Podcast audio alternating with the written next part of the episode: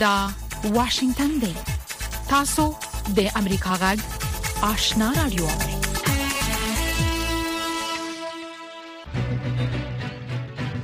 درنو اوریدونکو ستړي مشئ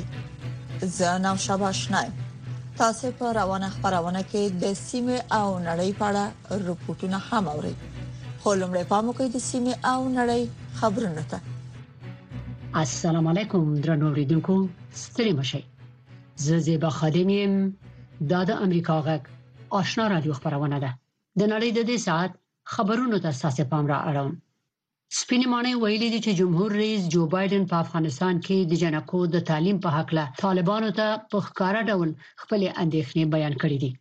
د سپینې ماڼۍ نطاقې کارین ژان پیر پرون مطبوعاتو ته ویلي دي چې د طالبانو سره د اړیکو په ارزیابۍ کې به د جنکو د تعلیم د موضوع په هکله د امریکا دغه دریځ تل ادامه ولري. د سپینې ماڼۍ نطاق دا هم ویلي دي چې د متحده ایالاتو دغه دریځ دایمي دی او بدل به نشي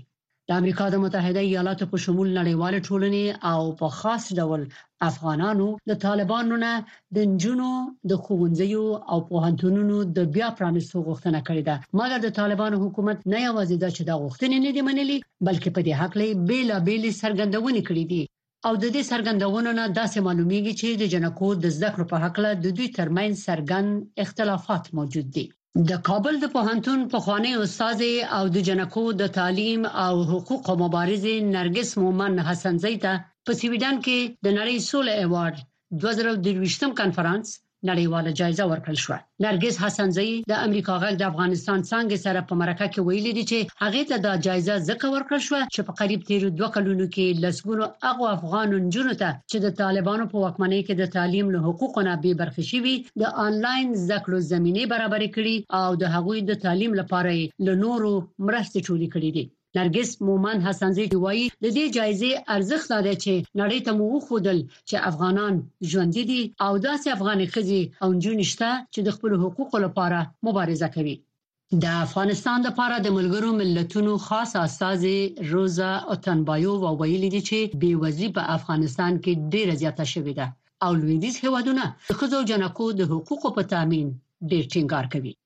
نوموړي د ازادي اروپا د رادیو د قرغیزي څنګه سره په مرکه کې ویلي دي چې په افغانستان کې بې وزلي او محرومیت به حد زیات شوی دی او دا چې کلم راسته غواړي نو یوازې لویدیز هیوادونه په دې برخه کې ډیر مرسته کوي نور هیوادونه مرسته نه کوي مګر ځینې عربي هیوادونه او نور په مذهبي ساحو کې مرسته کوي د سیمې او نړۍ خبرونه د امریکا غږ آشنا رادیو د واشنگټن د استودیو نه خبريږي په اسلام اباد کې عالي محکمې د بهرنیو هېوادونو د تحفو د مالي غبن په قضیه کې د پخواني صدراعظم عمران خان د درې کلو د بند سزا وځنډوله، خو دا لا هم روښانه نه ده چې هغه به له زندان نه په ضمانت خوشې شي یا نه. نور تفصیل ته ستاسو پام را اړوم. د پاکستان د عالي محکمې دوه تنو قاضیانو نن د اګست په نهه ویشت مه د پخواني صدراعظم عمران خان د مدافع وکیل په غوښتنه باندې د غور نه وروسته خپله پریکړه اعلان کړه او د عمران خان د بند سزا یې وځنډوله. د عمران خان مدافع وکیل شیر افضل خان مروت د دوشنبه په ورځ مطبوعاتو ته ویلي و چې کالي محکمه د بهرنیو هیوادونو د تحفو د مالی غبن په قضیه کې د عمران خان سزا وځندوي سمدستي د عمران خان خوشی کېدل امکان نه لري ځکه چې هغه نور دوسی هم لري د اسلام آباد عالی محکمې خپل دغه پریکړه نن د سې شنبه په ورځ لغرمې د مخه اعلان کړه په خوانی صدر اعظم اوس مهال د اټک په زندان کې بندي دی غورځنګ د امریکا غاګ واشنگټن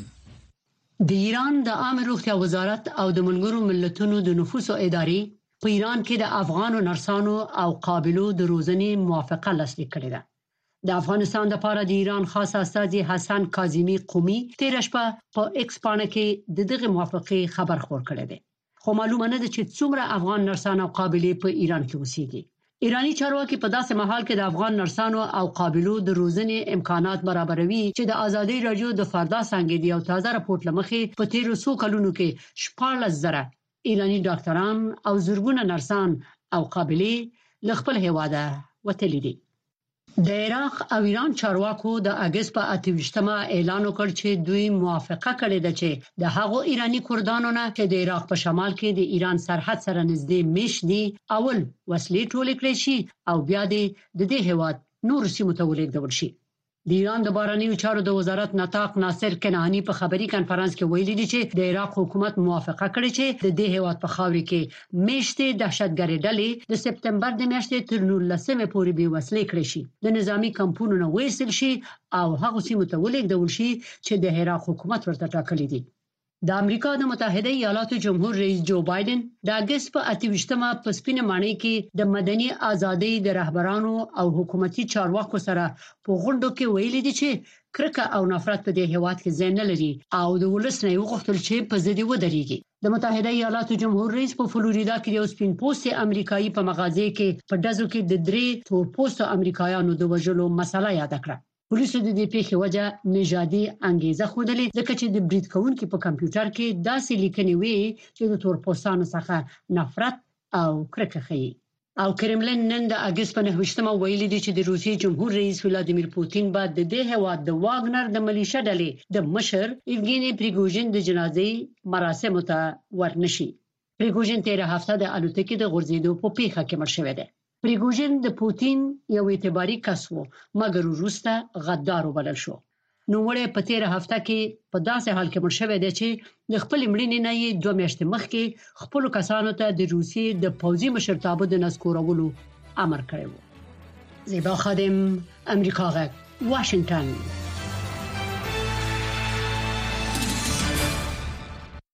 د سیمې او نړۍ خبرونه مو واوریدل په موقع د سیمې او نړۍ په اړه رپورټونه ده سپینه ماڼۍ وایي په افغانستان کې د نجونو د تعلیم په حق لای د طالبانو سره خپل اندېښنې په ښکارا توګه شریکې کړې دي پوره دوه کال کېږي چې د طالبانو د حکومت له خوانجونې لمنځنۍ اوس د کړو محروم دي او نږدې یو کال کېږي چې نجونې محصلین پانتونونو ته لټلو لمنه دي د دې موضوع نور تفصيل پر رپورت کې اورئ د سپینې ماڼۍ یوې ویاندې کارن ژان پیر امریکا غږ ته ویل جمهورریس جو بایډن د افغانستان په ګډون په ټولې نړۍ کې په ازاده توګه د نجونو تعلیم او ژوند کولو د وړتیا د اهمیت په هکله ښکاره دریځ لري. ګورئ! ولسمشر تل نه یوازې په امریکا کې بلکې ټوله نړۍ کې د نجونو د تعلیم د اهمیت په اړه واضح دریځ درلود چې باید آزاد ژوند ولري خورځي ته لاړ شي او تعلیم وکړي او موږ په دې اړه خپل اندېښنې په واضح توګه چې د جنونو تعلیم دی د طالبانو سره شریکي کړې دي د افغانستان لپاره د امریکا د متحده ایالاتونو استازولي هم د دوشنبې په ورځ چې د سنبلې شپږمه وه په خپل ایکس ټولنیزه پاڼه د نجونو پر زده کړو ټینګار کړی او په بشکک کې د څو افغان نجونو د تحصیلي فراغت مبارکي ورکړې افغانې مېرمنې تر بل هر وخت زیات زده کړو ته اړتیا لري. زموږ د عامه ډیپلوماسۍ د اړیکو څانګه تر شپږ سوه تنو څخه د زیاتو هغو محصلانو ملاتړ کوي چې په سیمه کې د بورسونو له لارې په زده کړو بوختې دي. په دې وروستیو کې د عامه اړیکو څانګې مستشار بشکیک ته تللی و تر څو زده کوونکو ته د فارغېدو مبارکي ورکړي. طالبانو په تیرو دوو کلونو کې د شپږم ټولګي څخه پورته د نجونو پر زده کړو بندیز لګولی او د 2022 میلادي کال په وروستۍ اونۍ کې یې ښځې او نجونې په پوهنتونونو کې له زده کړو منع کړې او هم یې په غیر دولتي مؤسسو کې د ښځو پر کار بندیز ولګو. له همدې امله یو شمېر پخوانیو محصلینو د بې روزګارۍ او رواني ناروغیو د مخنیوي له وېرې لاسي ګنډلو ته مخه کړې. یک کار که بود مادربزرگام و مادرام میکرد و ما اونجا درس میخواندیم اما حالا که به مدت دو سال شده که ما از مکتب باز ماندیم ما هم مجبور شدیم برای این که خود از تکالیف روانی و همچنان از بیکاری یعنی رها بسازیم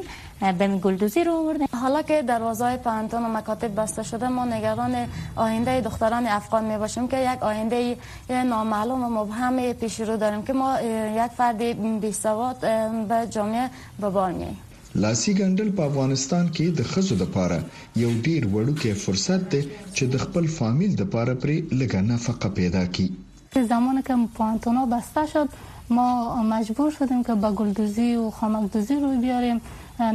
باز کورس های آموزشی بود که ما آنجا درس می خواندیم آنها هم بسته شد مجبور شدیم که به گلدوزی و خامک دوزی روی بیاریم تا بتوانیم از طریق همین گلدوزی و خامک دوزی همون مصارف یا مخارج خانواده تامین بسازیم. د همدې کال په پیل کې ملګرو ملتونو ویل په ټوله نړۍ کې افغانستان د ښځو او نجونو لپاره تر ټولو ځپونکی هېواد دی چې د خپلو ټولو عادي حقونو هم محرومې دي. انتظار پای ته ورسید. درنو لیدونکو او اوریدونکو تاسو کولی شئ د امریکا غږ ټلویزیونی او رادیوي خبرونه د یاشات ساتلایت له طریقو وګورئ او واورئ د نوي ساتلایت لارې تاسو د آشنا اتصال او کاروان ټلویزیونی خبرونه کتلای هم شئ د امریکا غږ د افغانستان څنګه خبرونه په 309 پټ چنل او د آشنا رادیوي خبرونه په 300 وو شپږ چینل کې اوریدلای شئ لملتيامو د تل پشان مننه تاسو زموږ د واشنگټن د سټډیو ناوړي په پیښور کې د پیسو د تبادله افغان سوداګر او صرافان له ستونزو سره مخ دي او وایي چې په خلاص مټ سوداګري نشي کولای پاکستاني صرافان هم له ورته ستونزې شکایت لري پاکستاني چارواکي له اسنادو پرته د حواله او د پیسو ادلون بدلون غیر قانوني بولي او د پاکستان د بهرني قانون لمخې د معاملې کولو خبره کوي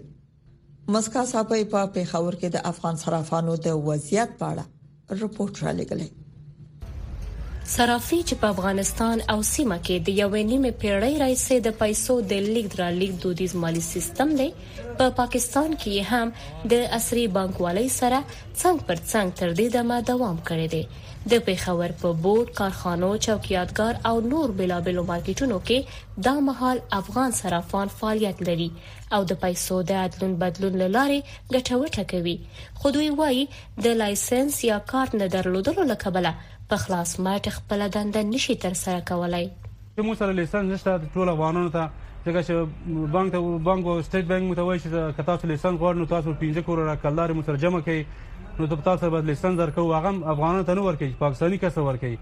او کوم دلته خلو ډالر اخلو یا پاوند اخلو یا به یورو اخلو دلته حکومت راځي ډیر مشکل ده موږ ته سونه جوړي فایو والا راځي بار بار ټول چوکیادګار صرافان نشي دلته هم نشي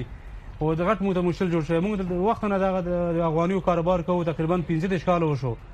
د افغانیو ډالر دلته بدلیږي پاکستان کې په چوکیادګار کې اتیا سلنه صرافي د افغانانو له لوري کیږي په دې بازار کې موجود افغان سوداګر د غیر قانوني کاروبار د تورونو لاندې د پاکستانی چارواکو له لوري نیول کیږي او همدا لامل دی چې دوی په آزاد ډول سوداګري نشي کولای د پاکستان مالي تورم او د حکومت له لوري ځينې کاري بنديزونو د دغو صرافانو د سوداګرۍ په مخ کې خنډونه را ولاړ کړي. دوی له حکومته غوښتنه کوي چې د روزګار په برخه کې دې ورته د اسانتياوو پيدا کولو په موخه کارډونه ورکړي. څو ځلې بلکې څو کاله وشو موږ دا درخواست ورکوو حکومتونو له چې دا کم دلته چې سراپان دي یو خو دا د غټې سرمایه والا خلک نه دي د دوی کم چې شرط دي اصول دي د لایسنس اخیستلو ډیر سخت دي نو موږ خپل څو ځل دوی ته ویل چې دوی د پاره کار آسان کړي دوی له سی کټګوري لایسنس ورکړه لکه څنګه چې په هوټلو کې یاري موږ به د سټ بانکونو سره ټچ کې دي ځکه دوی سره د موږ وټړل شو چې موږ اخیستل خرڅول کوو ماجګر به غوي سره خپل دغه یا دې موږ له داسې یو په اسانه توکه باندې بل سي کټګري لېسنس راکړي چې دا ټول خلک ازاد شي کاروبار کوي دوی ته به منساتي ریکارډ به ورته ملاویږي او د خلکو ته به د کاروبار مسان کوي موږ حکومت ته خواست کوو چې په رقم کېږي صرافانو سره گزاره وکړي صرافان د حکومت له خوا تنګ دي هره ورځ راځي او چاپی وي موږ څه غیر قانوني کار نه کوو موږ وایو چې راشه موږ څه تکې نه که موږ غیر قانوني کار کوو موږ بند که او موږ خپله مزدوري کوو دا لس پیسې پنځه پیسې دنه یې واخلو په بل یې خرڅ کړو بل نه یې واخلو په بل یې خرڅ کړو د ورځې یا پنځلس زره روپۍ وګټو یا یې تاوان وکړو بیا کور ته ځو هغوی وایي تاسې لیسنس واخلئ موږ ته لیسنس نه میلاویږي لیسنس چې دا دلته ډېر قیمته ده موږ حکومت نه دا خواست کوو چې موږ ته داسې یو شی راکړي چې د موږ کار هم پې کېږي او دوی ته ټیکس هم موږ ورکړو د خیبر پښتونخوا د فدرالي تحقیقاتي ادارې مشر نثار احمد خان په دې اړوند امریکا غږ ته وویل چې د پاکستان د دولتي بانک له جواز پرته که څوک هم د حواله او یا د پیسو د تبادلې غیر قانوني کاروبار کوي د پاکستان د بهرنیو قانوني مقرراتو لمخې به ورسره چلن کیږي مسکا صافی امریکا غا پیښور نن او وضعیت د نړۍ سیمه او د افغانستان پر روانو چارو او د ننني وضعیت په حق لا خبرونه راپورټونه مرکه او تحلیلونه هر شپه نه بجې د امریکا غږ آشنا رادیو نه اوري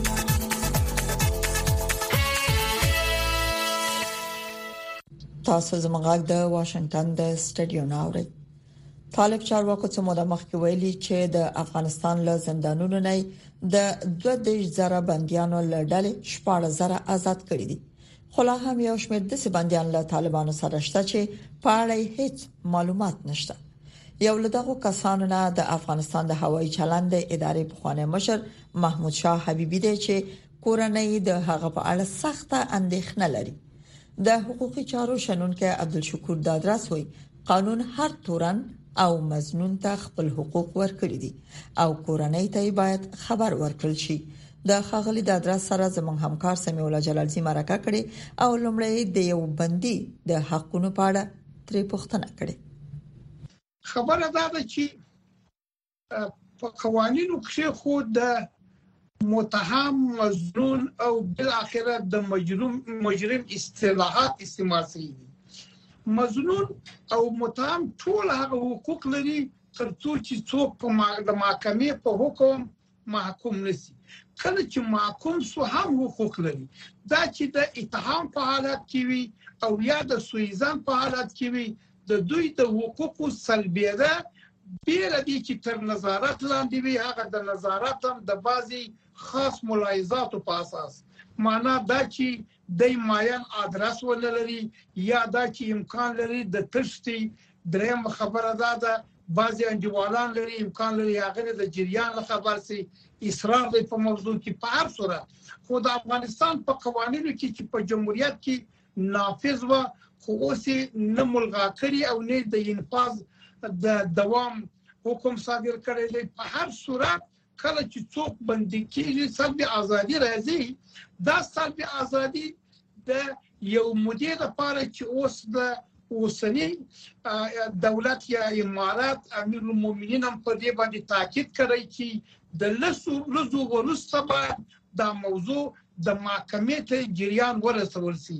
او محکمه باید په دې مورد کې تصمیم ونیول سي او د هغه خپلوان هم خبر سي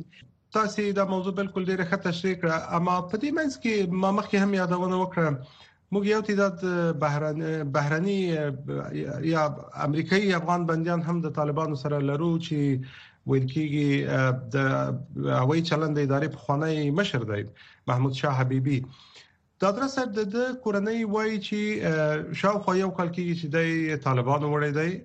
اما طالبان حتی تر اوسه په دې اړه هیڅ نه دي غږېدلي هیڅ یې هم نه دي ویلي او د ده کورنۍ په دې اړه ډېره زیاته اندېښمنه هم ده د بندیانو سره خصوصا د خارجي بندیانو سره دغه ډول برخورد تاسو څه ډول ارزوي آیا قانون همداسې حکم کوي چې باید په دې شکل وضعیتي خو په هر صورت که بهرنیان وي که داخلیان وي انساني حقوق ټول لري موږ د انسان تر عنوان لاندې د مطالعه کوو زه په یو وخت کې نه پوهېږم چې تاسو به اورېدلي وي که یا په بګرام کې مې کار کاوه په بګرام کې پر هغه بندیانو باندې مې وظیفه درلوده چې مطلق د طالبانو د اسلامي تاریخ په نامه مې نیول شوي وه نو په هغه وخت کې زما یو اعتراض دا و چې د هغو سره باید کورنۍ کې خبر ورکړ شي د کورنۍ سره تماس ونیول شي حتی پر وخت او زمان که دوی محکمې ته نه وسپارل شوي دوسیه نو ما دوی ډیر ډیر خلاص کړ ځکه خلاص نه کړل شي ولې پر وخت او زمان دوسیه محکمې ته نه ده تللې دا یو د دلایلو زما څخه په هغه وخت کې په سلګونه کسان چې په هغه نامه متهم وه د زندانه راووتل اوس هم زه هغه سړی یم هغه مې عقیده ده چې دا زما قانوني صلاحیت دی او د قانون می مسلک دی د هغه پر اساس کوشش کوم چې هر هغه څه وایم د اسلام د طالبانو اسلامي تاریخ چې اوس د اسلامي امارت په نامه دی نو دوی ته لازمه ده چې هر هغه څوک چې بندي کیږي بل عدالت کله چې د تحقیق مرحله ختميږي نو دا چې دومره موده تیره سي هرو مرو باید فامیل ته خبر ورکړ سي فامیل باید خبر سي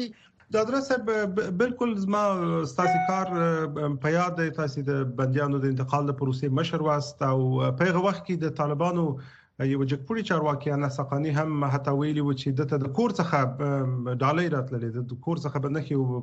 ځین شان راتله اما د حبيبي په قضيه کې مسله داسې نه ده ستاسو په نظر اصلي دلیل تاسو څه وینئ چې طالبان نه غواړي چې په دې اړه څه وایي نه غواړي چې د کورنۍ ته حوال ورکړي اصلا په دې موضوع وغږیږي هغه هم د دلیل ستاسو په نظر څه دی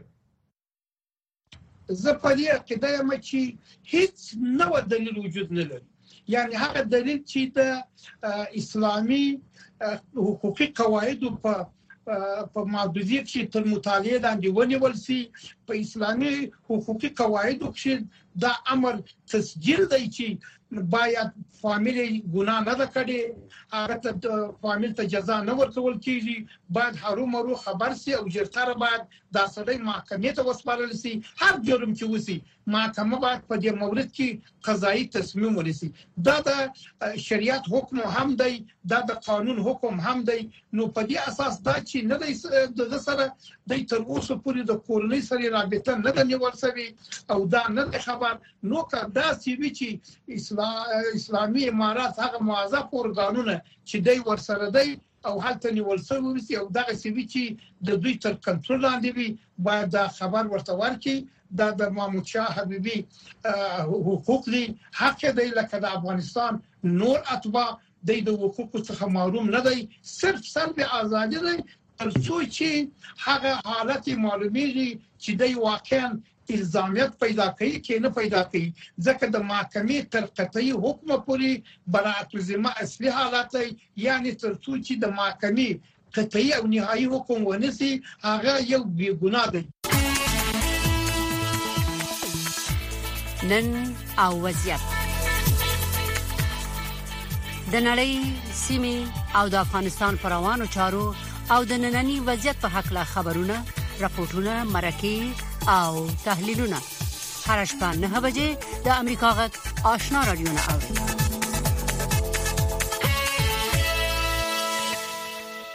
دا د امریکا غږ آشنا رادیو د تاسو د سیمې او نړۍ په اړه راپورټونه اوري د متحده ایالاتو د فدرال یوې قاضي تانیا چوټکان د 2023م کال د مارچ 4مه د امریکا د مخکنی ولسمشر ډونالد ټرمپ د محاکمې نیټه وټاکله پر هغه تور دی چې د 2020م کال د ټاکنو د پایلو د بدلولو لپاره توطیه جوړه کړې و د دې موضوع تفصيل پر پورت کې اورئ څارنوالانو غوښتل چې د ټرمپ محاکمه د بل کال د جنوري په دویمه نېټه پیل شي. منصفه پلاوي د دسمبر میاشت وړاندیز کړی او د ټرمپ مدافع وکیلانو بیا د راتلونکو ټاکنو وروسته د دوه زره شپږویشت م کال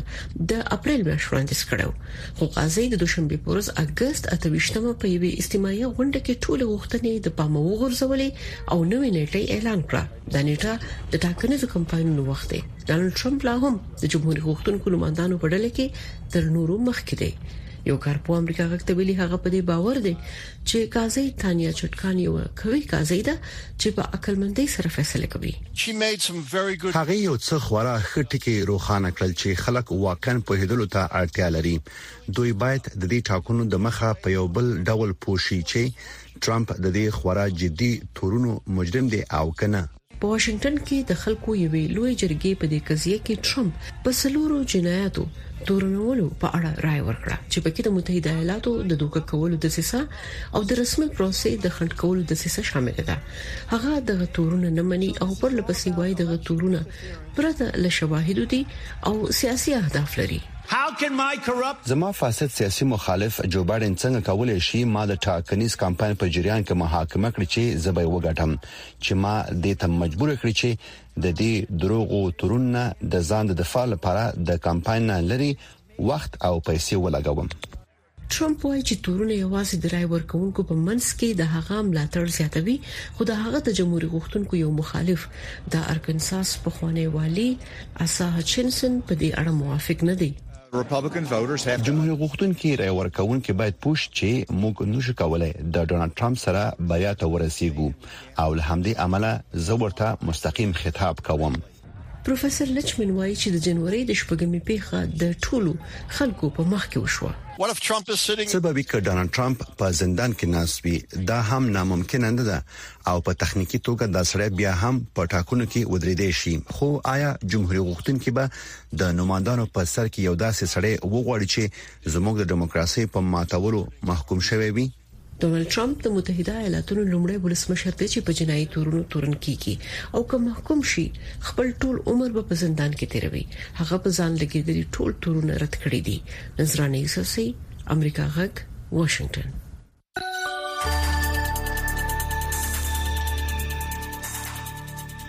درنو اوریدونکو دا د امریکا غږ سر مقاله ده چې د امریکا د حکومت نظر څرګندوي امریکا اوس د ډیرو موضوعات سره مخامخ ده په دې کې د خوړو ناخوندیتوب د اقلیم ستونزې او ساري ناروغي حل په ساينس کې ده د تخنیکی مهارت لپاره د ضرورت د پیژندنې په نظر کې نیول سره د بهرنیو چارو وزارت له پخوانه له ټولې ساينټيفيکې ټولنې نه مرګلو ته هرکلی وایي. د بهرنیو چارو وزیر انتوني بلینکن څرګنده کړه،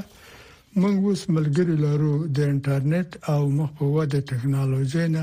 نیولې ان تر روغتیايي امنیت پورې په هر شي باندې کار کوي او په دې کې نړیوال تدارکاتي سلسلې هم شاملې دي. چې د انرژۍ امنیت قوي کوي او د وحشي حیواناتو د قاچاق کولو سره مبارزه کوي. د بهرنیو چارو وزارت فقط تیر کال سایبر سپیس او ډیجیټل پالیسۍ بیرو پیل کړه چې کوشش کوي د دې ډاډ ورکړي چې امریکا د ډیجیټل انقلاب په بدلون کې مخکښ رول ولوبوي. د بهرنیو چارو وزیر بلینکن وویل، امریکا په هغه کوشش کې مخکښي کوي چې د مصنوعي استخباراتو پوټنشل زیاتوي، په داسې حال کې په عین وخت کې د دې خطر کموي. موږ فقط څه باندې تېر کال د اصولو سره د حقوقو د اې آی بل لپاره مفصل او کره پلان پیل کړ چې څرنګه اوتوماتیک سیستمونه نقشه شوي او استعمال شوي دي. موږ د اې آی خطرناک اداري چوکاټ ته پرمختګ ورکړی دی چې د ژغورلو، د استعمال کوونکو د اصلاح کولو سره مرسته کوي او جمهور رئیس بایډن تیره میاشت له مخکښو شرکتونو یوه سلسله ژمنې اعلان کړې د لنډې مودې د هغو خطرونو په کمولو باندې تمرکز کوي چې د اې آی له خوا مخامخ شوي دي، په داسې حال کې د نوښت ودې کولو ته دوام ورکوي. امریکا په درسته نړۍ کې د څېړونکو او نوښتګرو ملاتړ هم کوي. د تک خوځو پروګرام قضیه په نظر کې نیولو سره د یو بینللی تبادلی پروګرام لاره چې له ټولو افریقا، جنوبي او مرکزی اسیا او منځني ختیځ په سلګونو متشبثین په امریکا کې د تک په ټولنه کې د خپل انډیوالانو سره جوړه کیږي. د بهرنیو چارو وزیر بلینکن وویل بالاخره زمونږ پرانست ټولنه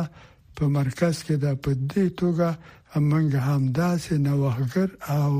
همداسې ډینامیک یو همدا علت ده د نړۍ مخکښ څېړونکي غواړي چې دلته امریکا ته راشي او په همدې توګه موږ پریکړه کړې ده چې د استعداد لپاره مقناطیس پاتې شو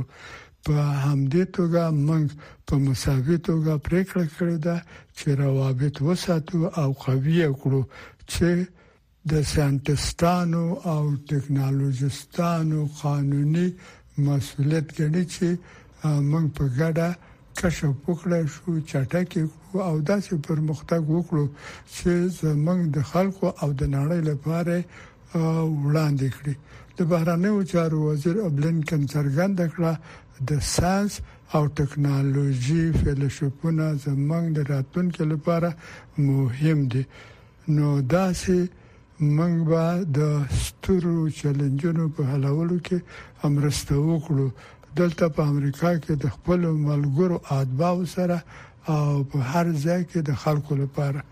درنو اوریدونکو دا و د امریکا غږ سرمقاله چې د امریکا د حکومت نظر څرګند درنو اوریدونکو خبرونه په همدې ځای پای ته ورسیده مننه چې د امریکا غږ آشنا رادیو خبرونه اوري تر بیا